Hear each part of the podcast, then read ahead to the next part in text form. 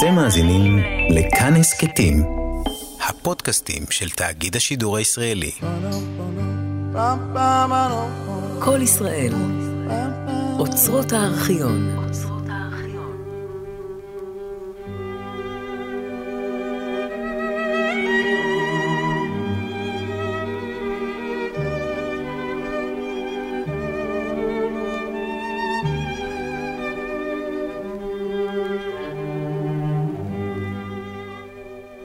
בשישייה שלי בסול מג'ור השתחררתי מאהבתי האחרונה. אני חיה רק במחשבות עליו, כאילו כל החיים שקעו מאחוריי. יוהנס ברמס, דיוקנו של יוצר, סדרת תוכניות בעריכת עדה ברוצקי, והפעם מחזה ביניים, קיץ אחד של אושר. את סיפורה של אגתה פון זיבולט מספרת כרמל בן אפרים.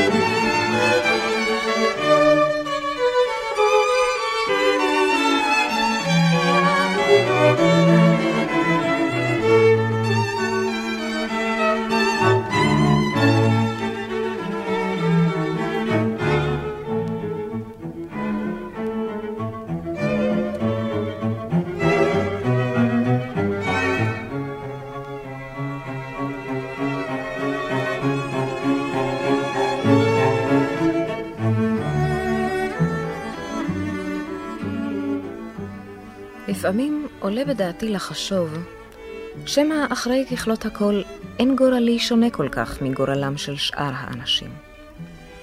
אולי לכל אדם הקיץ שלו האחד, שלקראתו צומחים חייו, ובאורו הם קורנים עד אחרון ימיו עלי אדמות. אולי לא תמיד יחפוף הקיץ הזה את לוח השנה כאשר אירע לי. אפשר שיתמשך על פני שנה תמימה, על פני שנים אחדות, או להפך, יתמקד בתוך שבועות ספורים, בתוך ימים, בתוך יום אחד ויחיד. אכן, שעה שאני מגלגלת מחשבות אלה במוחי, נראה לי פתאום שבלא מרכז כובד כזה, שבמתיקות גמורה ובחריפות גמורה, החיים לוקים בחסר. מי שאינו מחזיק, אינו יכול לאבד. אבל מי שהחזיק ואיבד, כלום אין פירושו של דבר שהוא מחזיק לעולם.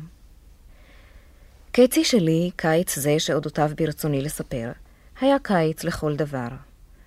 הוא התחיל בשבת האחרונה של יולי בשעת בין ארבעים, ותם מקץ חודשיים בשלהי חודש ספטמבר, שבאותה שנה, שנת 1858, היה חופשי מכל סממן של סתיו, כולו כחול וזוהר ופתוח אל המרחבים ואל הנגוהות. הייתי על סף שנתי העשרים, מאורסת מאז שנתי השבע עשרה, לגיסי ויליאם דינגלה, אשר זמן לא רב לאחר אירוסנו, היגר לארצות הברית, ויחד עם אחיו, בעלה של אחותי יוזפינה, ניהל משרד משגשג של עורכי דין בצ'רלסטון, במדינת קרוליינה הדרומית. המחשבה שבעתיד הנראה לעין אשוב לחיות בקרבתה של אחותי האהובה, אף כי הרחק מהורים וידידים, גרמה לי נחת. באשר לאדון דינגלה עצמו, הבעל שנועד לי בידי הוריי, הרי שלא הגיתי בו מעולם, מטוב ועד רע. רשאית אני לומר מתוך נחרצות גמורה שבהיכנס יוהנס ברמס אל חיי, היה רגש האהבה שבי בתול לחלוטין. אולי אף ארחיק ואומר שאירוסין אלה שהבטיחו את עתידי בלא לתבוע ממני תמורה נפשית כלשהי, כמו פטרו אותי מן הצורך לעבור את שרשרת החוויות המקובלת על הנערה המתבגרת מן השורה, ואפשרו לי להתמסר מלכתחילה לדברים הראויים באמת, למשל, למוסיקה, אהובת נפשי. עדיין לא הזכרתי שהייתי מצוינת בכל זמרה ערב להפליא. אני אומרת זאת בפשטות, מאחר שמדובר כאן במתנת טבע שנפלה בחלקי בחסד, ולפיכך לא יעלה בדעתו של איש לזוקפה לזכותי.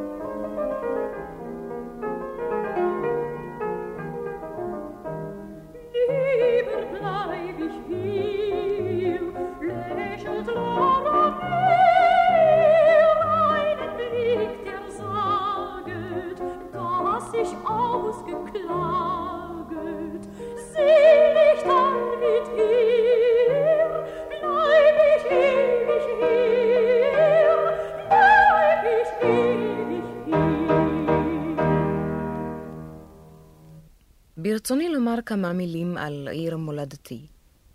גטינגן של ימי ילדותי ונעוריי הייתה עיר קטנה מאוד. עודני שומעת באוזניי את סיסמת הקרן, שבה היה רואה הבקר אוסף את הפרות מחצרות הבתים עם בוקר, ומוליכן דרך הרחובות הצרים והבלתי סלולים אל המרעה שמחוץ לחומות. החיים בעיר התמקדו סביב האוניברסיטה, גיאורגיה אוגוסטה, הנודעת לתהילה. במגדל שן זה של למדנות, התמסרו הפרופסורים למחקריהם, והרביצו תורה ל-700 עד 800 סטודנטים, שהם מצידם לא אחת השביתו את רוח השלווה בתעלוליהם. עוד זכורים לי מפגני האקסטזה שבהם חגגו את ביקורה של הזמרת הדגולה ז'ני לינד, הזמיר השוודי. כאשר לאחר הופעתה ישבה בתוך המרכבה כדי לשוב למלון, התירו מעריצים משולהבים אלה של המוזה את הסוסים, רתמו עצמם במקומם, והוליכו את הזמרת דרך רחובות העיר בדהרה פראית, שרק בדרך נס לא נגמרה באסון קטלני. דוגמה מלבבת פחות למשובת הנעורים שאפיינה חלק זה של יושבי עירנו, נוגעת בי בעקיפין באמצעות מי שעתיד היה להיות בעלי, המרצה לרפואה, הדוקטור אדוארד שוטה. משום קשיחותו המפליגה והיעדר גמור של חוש ההומור שבו, תכונות שגם אני וילדיי עתידים היינו לסבול מהן לא מעט, היה קורבן נוח לחיצי הלעג של תלמידיו, שהיו מתגודדים לפני ביתו בשעת לילה מאוחרת, ומנידים את שנתו ואת שנת השכנים בפזמון של איוולת. Hier in dieser Hütte, 1, 2, 3, wohnt der Dr. Schütte, 1, 2, 3. בבקתה הזאת הביטו, 1, 2, 3, מתגורר הדוקטור שטה, 1, 2, 3. כאשר לא יכול לסבול עוד התעללות חוזרת זו ששמה אותו ללעג בכל העיר, עבר לגור ליד שוק התבואה, בביתו הרעוע של בעל המכולת כוך, אשר משום התפוצצות שאירעה בחנותו נודע בשם כוך של אבק השרפה. אלא ששינוי המן הועיל לאיש המסכן אך מעט, שכן כעבור זמן קצר, מצאוהו מעניו גם במעונו החדש, כשהם צורכים במשנה הנאה. לא עוד בבקתה הביטו 1, 2, 3, מתגורר הדוקטור שוטה 1, 2, 3. מצא לו דירה יפה אצל כוך של אבק שריפה.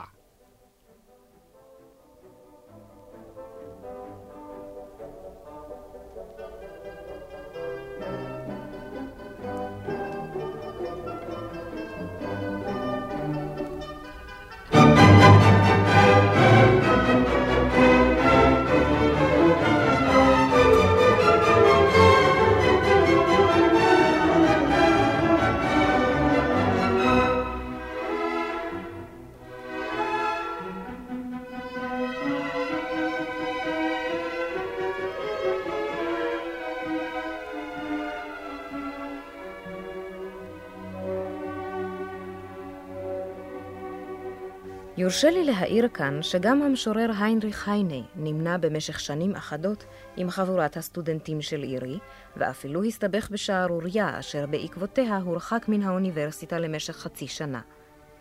רחשי טינה שנשתמרו בו בעקבות תקרית זו, הניעוהו מן הסתם לתאר את עירנו החביבה בלא האהדה הראויה. גוטינגן, שיצאו למוניטין בנקניקיה ובאוניברסיטה שלה, היא עיר יפה, בייחוד אם אתה מביט בה כשאתה מפנה אליה את הגב. נראה שהיא עומדת על תילה זה זמן רב, שכן כאשר סיימתי בה את חוק לימודיי לפני חמש שנים, כבר נחנה באותה חזות אפורה חכמנית. וכבר הייתה מצוידת ככל הדרוש ביועצי משפט, יועצי חצר, יועצי מסחר, יועצי רפואה, יועצי סתרים ושאר הבלים. יש בה בעיר יפה הזאת 999 תחנות לכיבוי אש, כנסיות למיניהן, מצפה כוכבים, מרתף שמגישים בו בירה מצוינת, ובית מחסה לנערות שילדו מחוץ לנישואין. אני מעדיפה שלא לצטט מה בפי היינה לומר בהמשך. אציין רק שבית המחסה האמור שכן בקומת הקרקע של בית מגוריי, והיה נתון לפיקוחו של אבי בתוקף כהונתו כפרופסור לרפואת הנשים באוניברסיטה. הבית היה בעל ממדים מלכותיים, וכה מיוחד במבנהו הפנימי, עד שגוטה, בעת ביקורו בגוטינגן בשנת 1801, הובא לשם על ידי ראש העיר והביע את התפעלותו מן התכנון האדריכלי המקורי.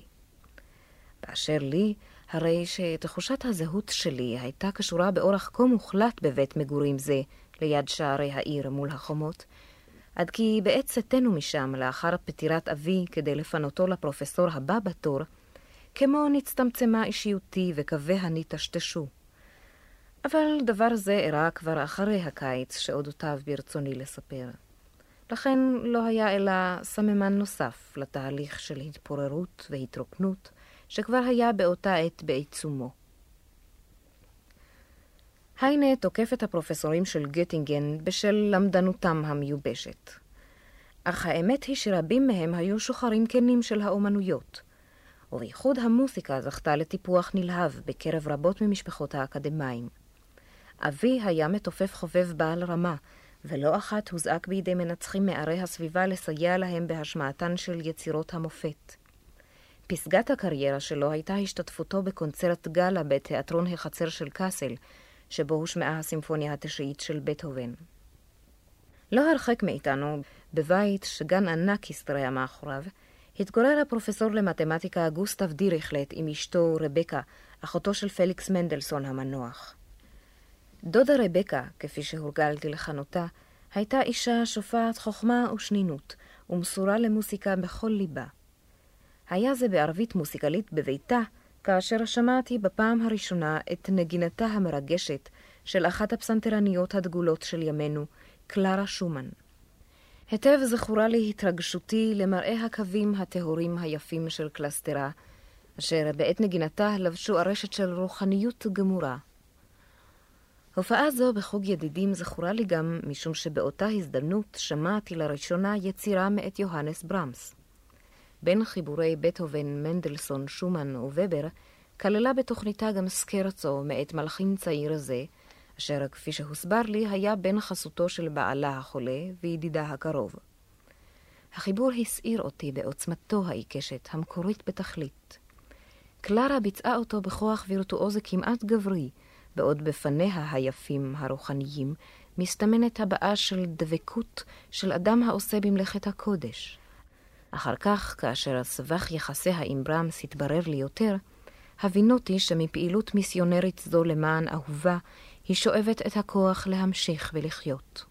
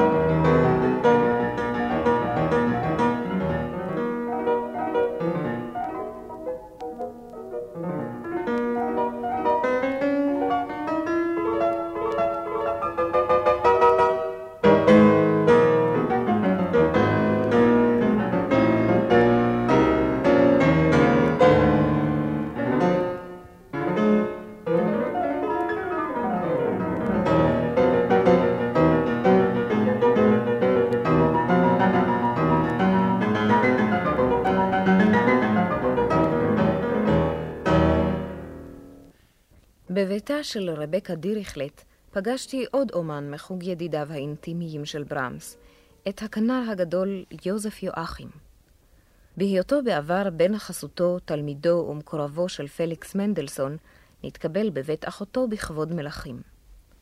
לרגל פגישתי עם יואכים הטילה עליי דודה רבקה להכין אריה של פורפורה שהשיגה אצל פרנץ פון מנדלסון בברלין, ואשר לדבריה עשויה הייתה לעניין את יואכים ביותר. אני בטוחה שיותר מאשר לעניין את יואכים במציאתה, ביקשה לזמן לידי שעת כושר להשמיע את קולי לפני האורח הדגול. באתי מוכנה היטב, והמבחן עבר בהצלחה. אפילו זכיתי מפי יואכים למחמאה בלתי צפויה. קולך מזכיר את קולו של כינור אמתי, אמר. כה פשוט ולבבי היה בהליכותיו, עד שמחמאותיו לא גרמו לעולם מבוכה כלשהי, אלא שמחה בלבד. איש צעיר היה, מבוגר ממני רק בשנים מועטות, מלך חיים ורוח נעורים, אך באותה עת בעל סמכות בוגרת, כפי שלא פגשתיה מעולם באיש בן גילו. בעקבות הופעתי כזמרת, אף הזמינני להציג לפניו את פסנתרנותי, הצנועה למדי, וגם ביקר בביתנו פעמים אחדות עם כינורו, כדי שאלווה אותו בסונטות של מוצרט ובטהובן. אני, הטירונית הקטנה, והוא, אחד מגדולי הכנרים בעולם. לאחר נגינת הסונטה בסול מג'ור של מוצרט, לקח את ידי בידו, פתח אותה ואמר, ועכשיו, גתי החביבה שלי, הואילי נא להחזיר לי את כל השש עשריות שגזלת ממני תוך כדי נגינה.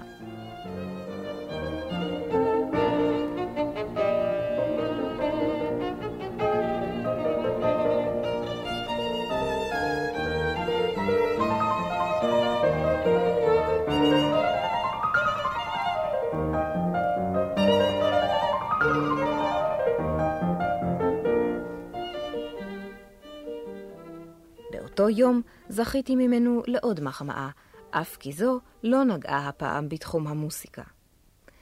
בגנה של הדודה רבקה הבשילו האגוזים, ושנינו עזרנו על ידה במעשה הקטיף. עמדתי במעלה הסולם, בעוד הוא תומך בסולם מלמטה. פתאום נתקע אחד הענפים בתוך שערי, התיר את הצמא שהייתה מהודקת כעין סליל מעל אוזניי, וכל השפע השחור השתפך הישר אל תוך כף ידו. איזה תענוג לחפור בשיער שכזה, קרה בהתלהבות. אינני יודעת אם הסמקתי, אך זאת אני זוכרת היטב, שמשהו זע בתוכי באותו רגע, מין לחש רחש חדש, מוזר ומסעיר. לא הייתי מאוהבת ביואכים, ככל שהייתי שבויה בחינו, והתעוררות חדשה זו לא הייתה קשורה בו במישרין, כי אם כמו עמדה ברשות עצמה, מהססת ומחכה. כשיוהנס נכנס אל חיי, נפלה לחיקו כמו פרי בשל.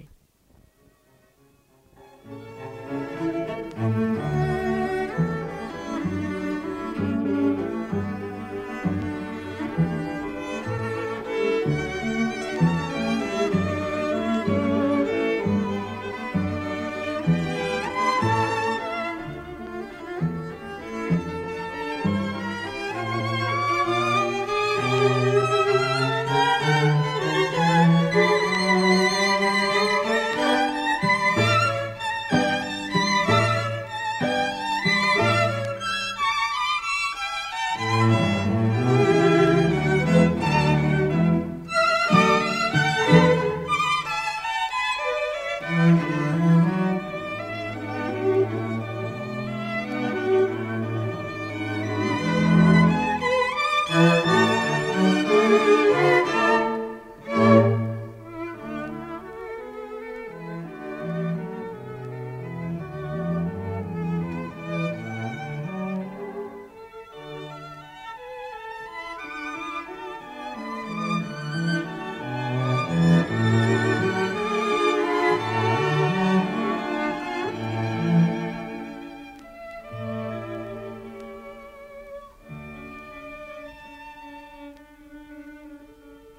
מוזר לחשוב שבמשך חודשים כה רבים, כמו חייתי במחיצתו של יוהנס, עוד לפני שידעתיו פנים. זמן מה לאחר שהתוודעתי אל יואכים, הפקדתי את חינוכי המוסיקלי בידי ידיד נפש אחר של יוהנס, המוסיקאי יוליוס גרים, שבא להשתקע בגטינגן. גרים עמד כליל תחת השפעת ידידו, ולא חדל מלהזכירו השכם והערב. סוף דבר שגם אני התחלתי לדבר אודותיו כדבר אודות ידיד ותיק. זמן מה לאחר בואו לגוטינגן נעשה גרים מעין קרוב משפחה שלי, שכן עשה לאישה את ידידתי הטובה ביותר פיליפינה, בתו של בונה הפסנתרים ריטמילר. בהיוולד להם בנם בכורם, תינוק מלבב מאין כמוהו, קראו לו בשם יוהנס יואכים. שני הסנדקים הבטיחו לבוא לטקס הטבילה. יואכים קיים את הבטחתו, ואילו יוהנס הסתפק בשיגור מכתב ברכה. אני הייתי זו שהדבקתי לגרים את הכינוי שתוך זמן קצר ביותר הפך לשמו הכמעט רשמי איזה גרים, או איזה, על פי אותו שדון מבהיל מאגדות הילדים. כמובן שלא הייתה כאן אלא הלצה, כי איזה שלנו היה הטוב בהתגלמותו. הידידות הייתה בעיניו בבחינת ייעוד. לראות את ידידיו הקרובים נאספים סביבו, נחשב לו לפסגת האושר עלי אדמות. כדי לזכות באושר הזה למשך שבועות קיץ אחדים, החל להריץ עוד באביב של שנת 58 מכתבים אל יוהנס, יואכים וקלרה שומן, ולשדלם שיבלו את חופשתם בגוטינגן. יואכים הודיע שהתחייב למסע קונצרטים לחודשי הקיץ באנגליה, אך ישתדל להגיע בשבוע האחרון של ספטמבר. יוהנס השיב תחילה בחיוב, אך למרות שגם קלרה נאותה להזמנה, חזר בו פתאום, והחליט להישאר בהמבורג ולהתמסר לעבודתו. איזה הטוב, מאין להשלים עם רוע הגזירה. דבר זה בטוח. תוכל לעבוד כאן באין מפריע, ממש כמו בהמבורג. אני ממילא יוצא לשיעוריי במשך רוב שעות היום, ואחר כך יושב לעבוד בטרקלין המוסיקה בבית חותני. גם פינה שוהה כל היום אצל הוריה עם הילד, ואת אימוני הפסנתר שלה היא עושה שם, באולם הישן. ובכן, במשך כל היום כולו תהיה אדון לעצמך. בערב נוכל לבלות ביחד, או בנפרד, הכל לפי רצונך. כשמרת שומן תגיע, אזכור לך אכסניה בקרבת מקום, ששם בוודאי ובוודאי מובטחת לך שלווה גמורה. אתה רואה שאין אתה מסתכן במהומה? במידה שיציק לך היצר ותרצה לנגן בשלישייה, תמצא כאן את הרנר ואת באך, שני בחורים טובים בתכלית. תוכל גם לנגן באורגן, אם תרצה, וללוות כמה קנטטות של באך, שאני מתכונן להציג עם מקהלתי במשך הקיץ. באשר לקולות משובחים, להשמעת שיריך, הרי שגם אלה, בדמות נערות מקסימות מאין כמותן, יעמדו לרשותך בכל עת. ובכן, אל תחשוב הרבה, אלא פשוט תסכים. הרי כל מה שאנחנו רוצים ממך הוא שתהיה פה, לא יותר. ואיזו שמחה תגרום למרת שומן. על אף הערה אחרונה זו, אני חושדת באיזה וכן בפינה הטובה ידידתי, שבסתר ליבם השתעשעו במחשבות שידוכין.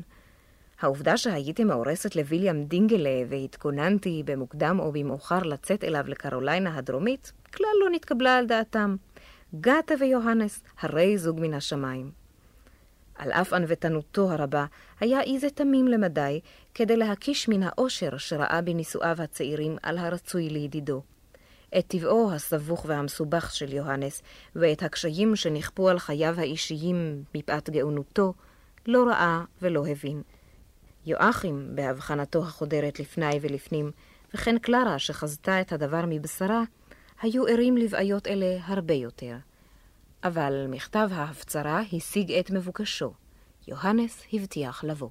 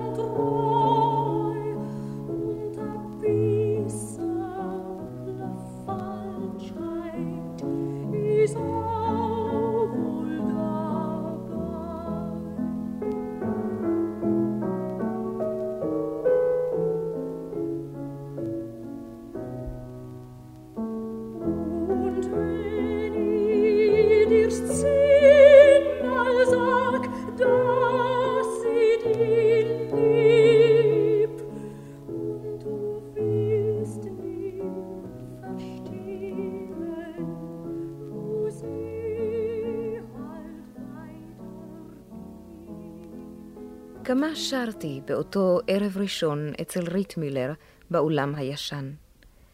את כל שיריו שידעתי, ואחרים שהביא עמו, ואחר כך גם שוברט ושומן, מנדלסון ובאך. קולי פרח. כנפיים צמחו לי פתאום. חשתי מין קלילות, כאילו אני מרחפת באוויר, חופשית ונטולת כובד.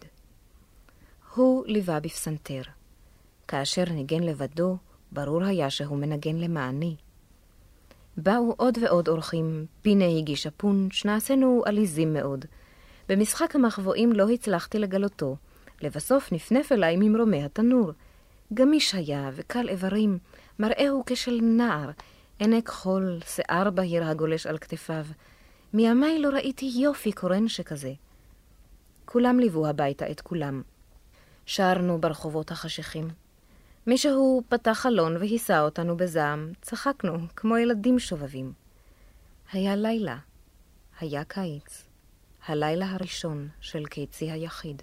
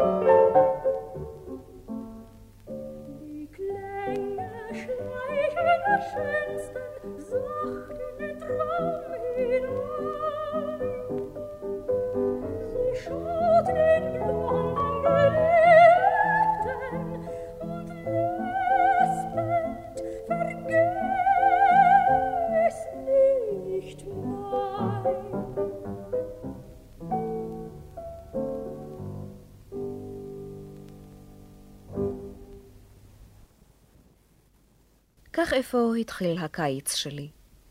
לא נחוץ לי לעצום את עיניי כדי לראות לפניי את מראותיו, והרי זה מכבר הפכו לי ממראה עיניים לתמצית שבנפש. יוהנס ואגתה על פני החומות, משוחחי אמירי הטרזות העתיקות, מקיפים את העיר בהילוך מסחרר, מגוננים זה על זה מפני מעידה. יוהנס ואגתה בפאתי היער, קוראים זה באוזני זה מסיפוריו של קלמנס ברנטנו. יוהנס ואגתה בספריית האוניברסיטה, מעלעלים בכרכים עתיקי יומין. יוהנס ואגתה אצל הפסנתר. יוהנס ואגתה בטיול של החבורה, מזדנבים מאחור, שקועים בשיחה. אל תפריעו להם. יוהנס מרצה לאגתה הרצאה בקונטרפונקט, קורא מייזבורג הצעיר, אחד ממחזריי בקנאה גלויה לעין. לא היה זה רחוק כל כך מן האמת. הנושאים ששוחחנו עליהם לא היו אינטימיים לכשעצמם. אינטימיים הפכו רק בזכות המעורבות הנלהבת שבה גלגלנו בהם, מתענגים על ההסכמה שבינינו, על תחושת התואם שבין שתי נפשות קרובות.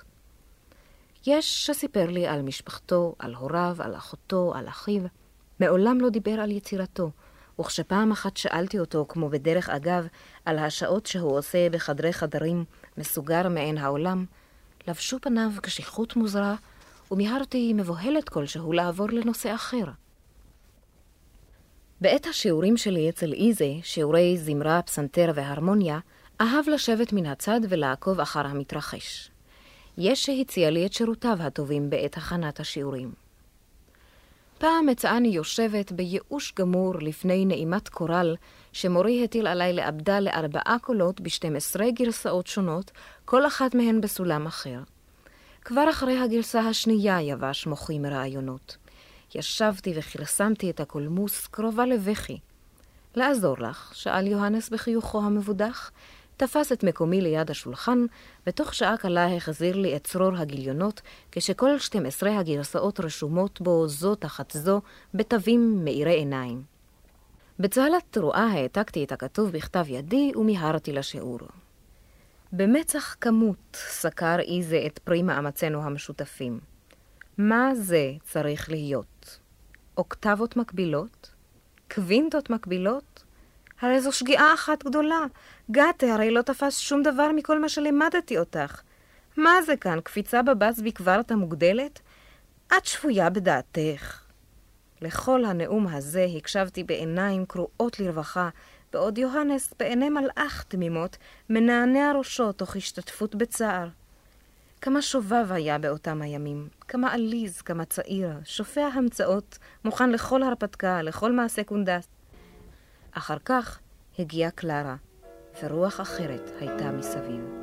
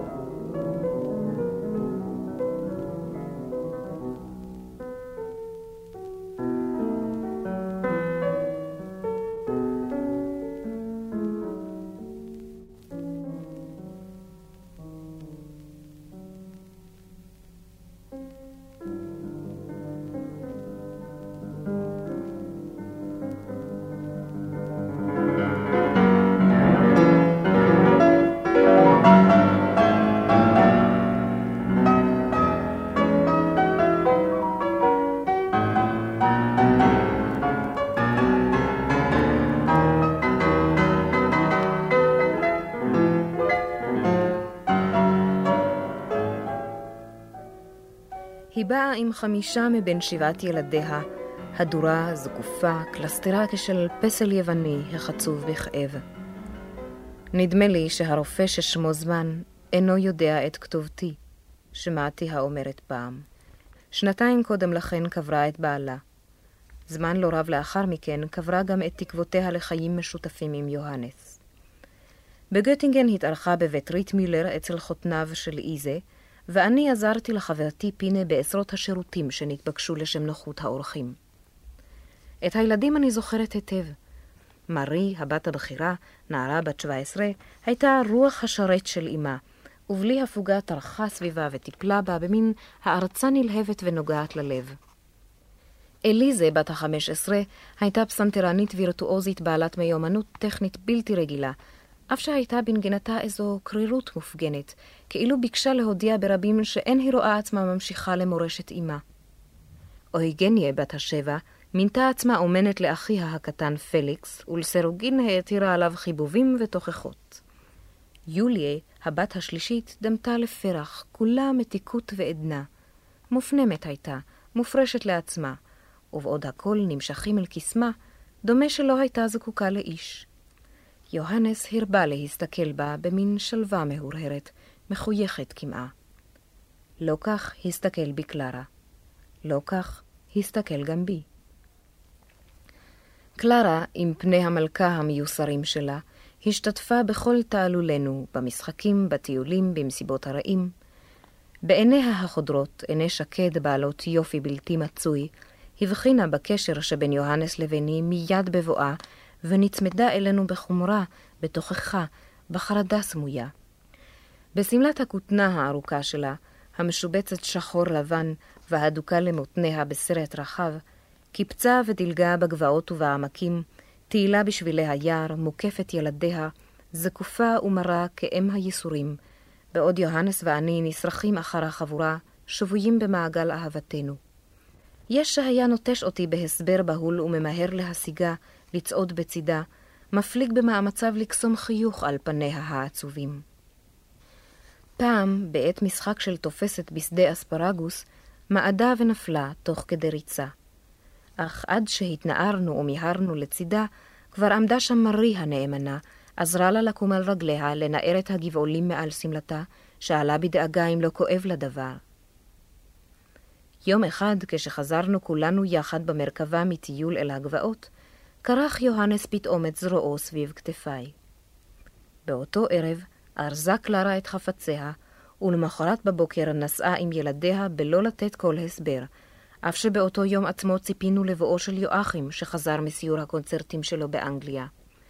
לפרידה השאירה למעני ספר של שירים מפרי עטה, עם כמה מילות הקדשה.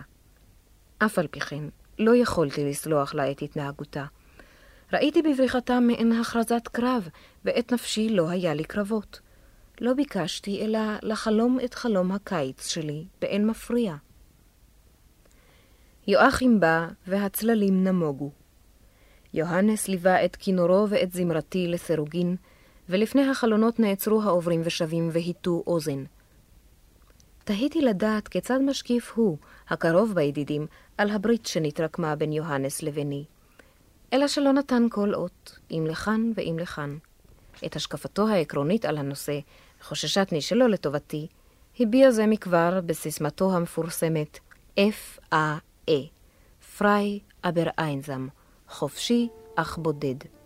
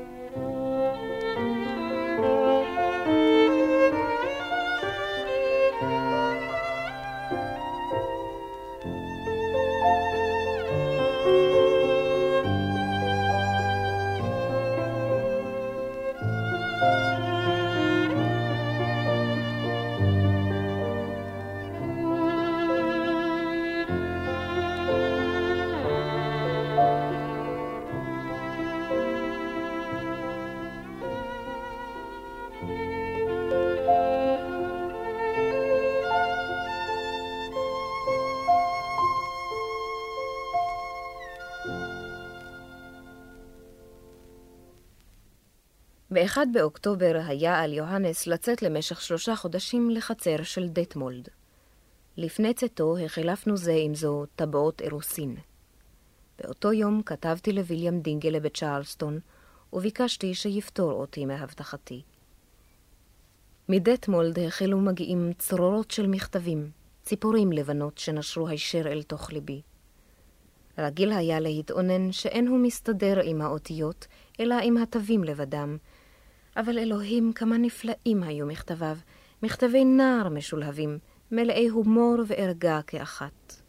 כמה נכספת אני לקרוא בהם שנית, אלא שוב אינם תחת ידי. ערב נישואיי לאדוארד שיטה, העליתי אותם באש, אולי מתוך ייסורי מצפון על שאני נישאת בלא אהבה. רק המכתבים שכתב לי שלושתנו במשותף, לאיזי, לפינה ולי, עודם שמורים בבית גרים. זה לא כבר דפדפתי בהם בחברת רעי, ותמהתי להיווכח עד כמה מציאותי הוא העבר לעומת ההווה החיוור והתשוש. אל עלי הטילטן שהפך ממרובע למשולש. סוף סוף ירד הלילה.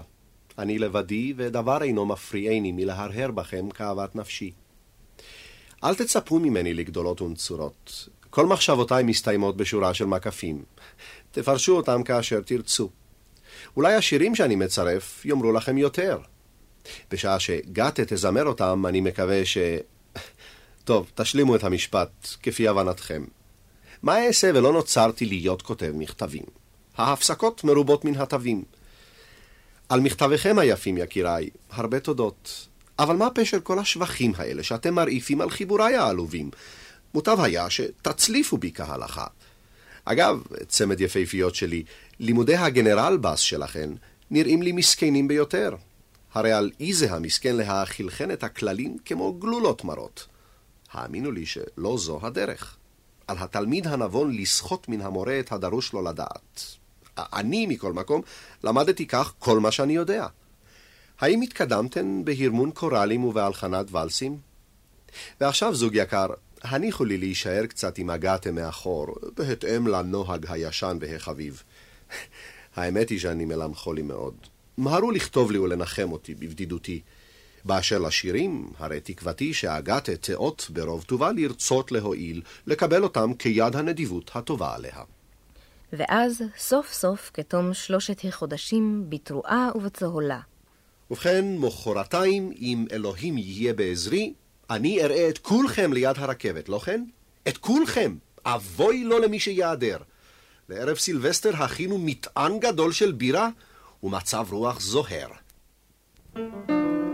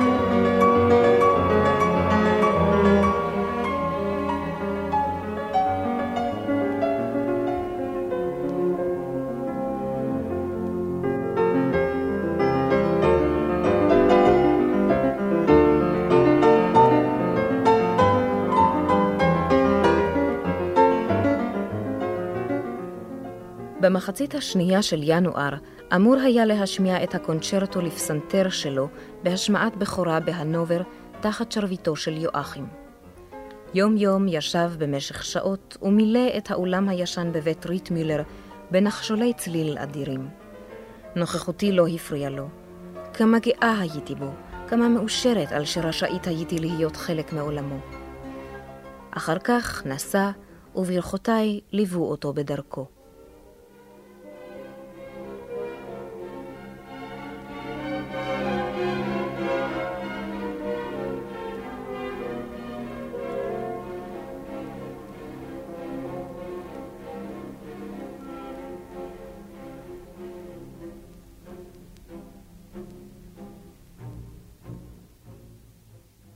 כשנודע לי שיוהנס יצא להנובר, בלי לומר לאגתה דבר ברור, תקפני הזעם.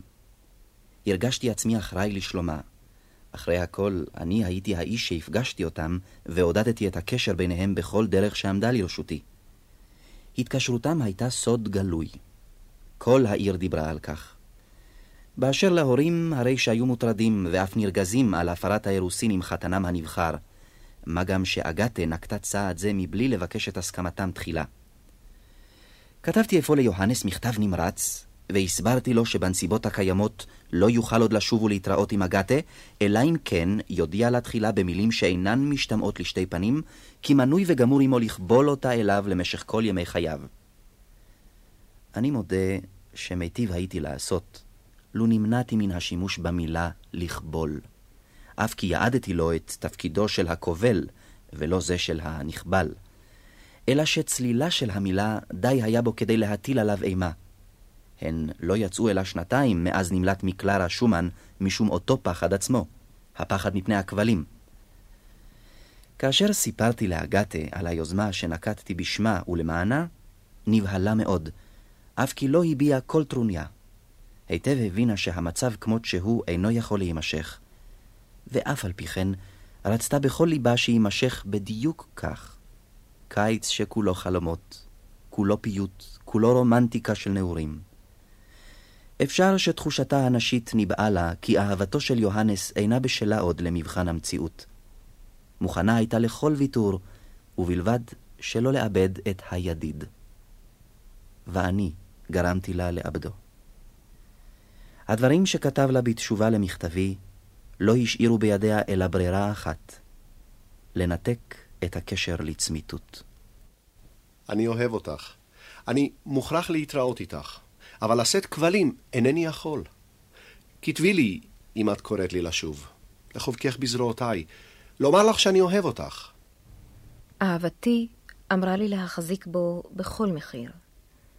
ואילו החובה והכבוד ציוו על הוויתור. בסתר ליבי קיוויתי שימאן לקבל את סירובי, שיצא למלחמה על זכותו להתראות עמי, אבל לא כך היה. על מכתבי, שנכתב בשברון לב, לא ענה עוד אף מילה. הוא התפכח, חזר אל עצמו. אה, אה, חופשי אך בודד.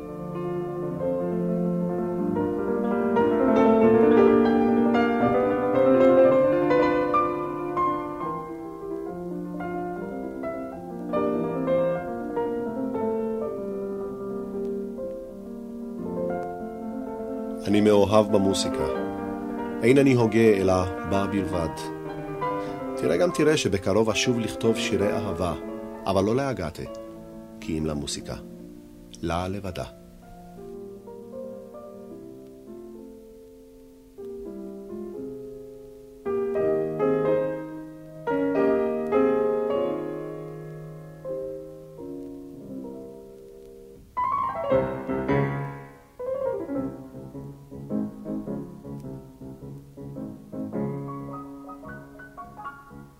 לעולם לא שבתי לראות את פניו, אף כי עוד פעמיים זכיתי ממנו לדרישות שלום מיוחדות במינן.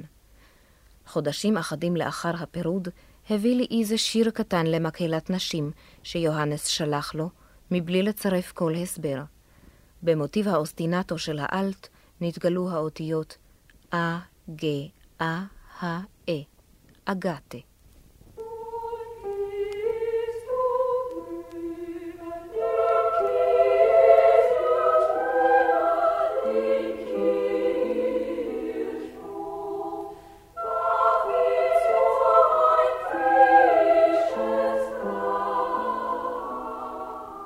בית העלמין כי תלך, בור קבר שם רענן.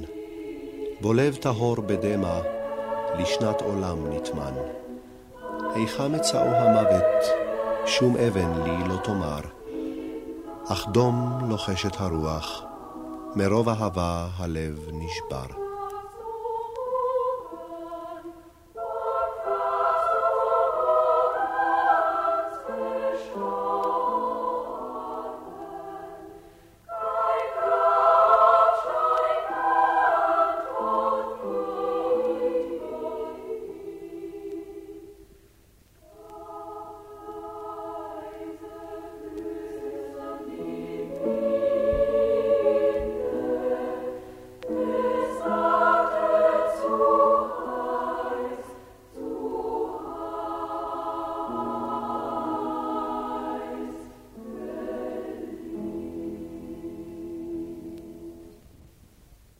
מקץ ארבע שנים הגיעה ברכת שלום שנייה. בשישייה בסול מג'ור לכלי קשת, אחת היצירות המופלאות שידעתי מעודי, שב ושילב את המוטיב של אגתה.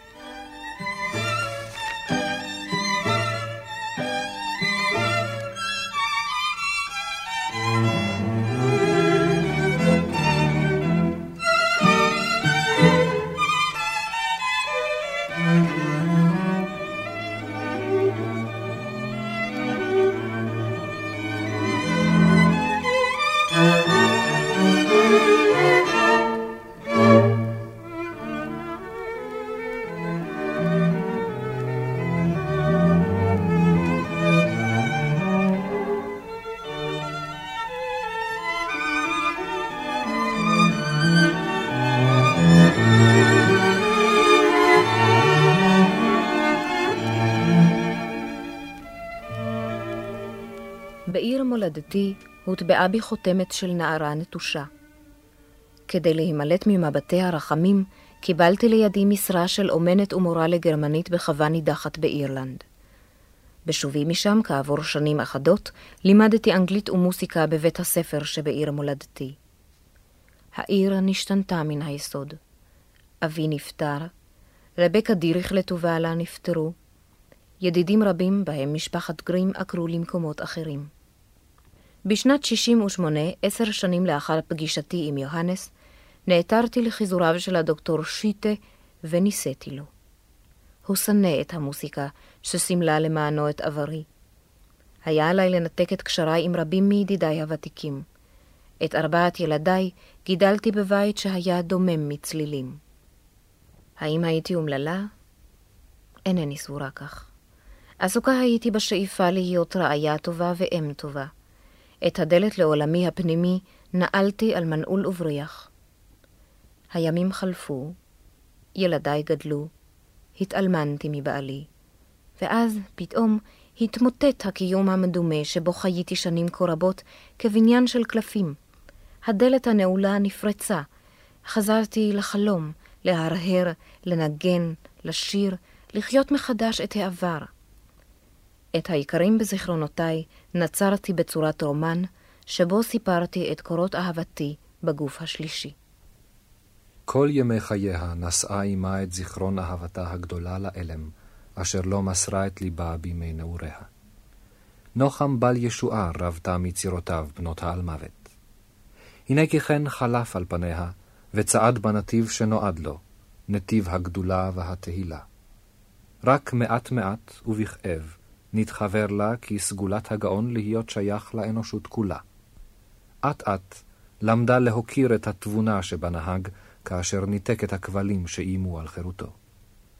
היטב הבינה לבסוף, שנבצר ממנה למלא את חייו באהבתה, תהא גדולה ככל שתהא.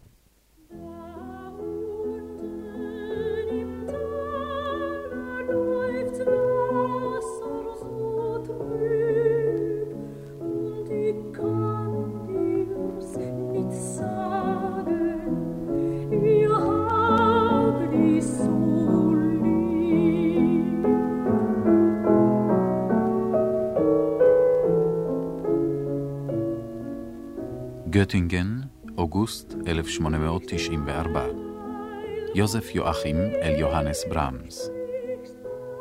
יוהנס יקר שלי, ביליתי כאן ערב נפלא במחיצתם של אגתה פון זיבולט וכובד שירי העם החדש שלך. היא שרה בקולה הצעיר, ושלושים ושש שנים היו כלא היו.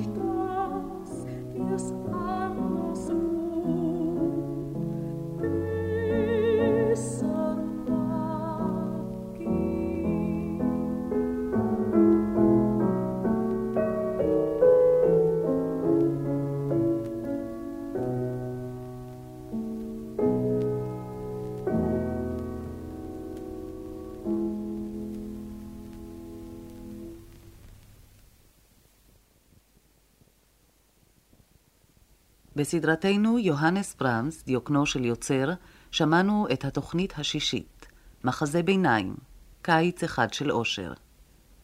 את סיפורה של אגתה פון זיבולט סיפרה כרמל בן אפרים. עוד השתתפו יצחק נוי, מוטי ברקן, בני הנדל וצבי סלטון.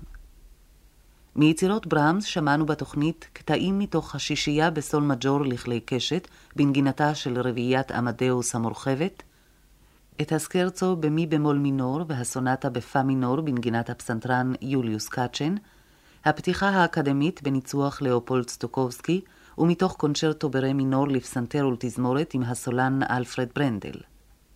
אלי אמלינג ונורמן שטלר השמיעו את שירו של ברמס, סרנדה, את שיר העם בעיבוד ברמס, שם למטה בגיא, ואת שירו של שוברט, אושר.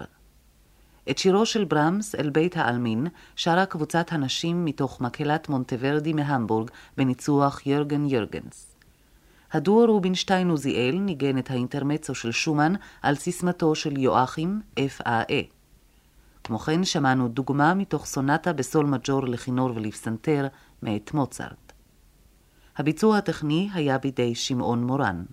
את התוכנית ערכה עדה ברוצקי.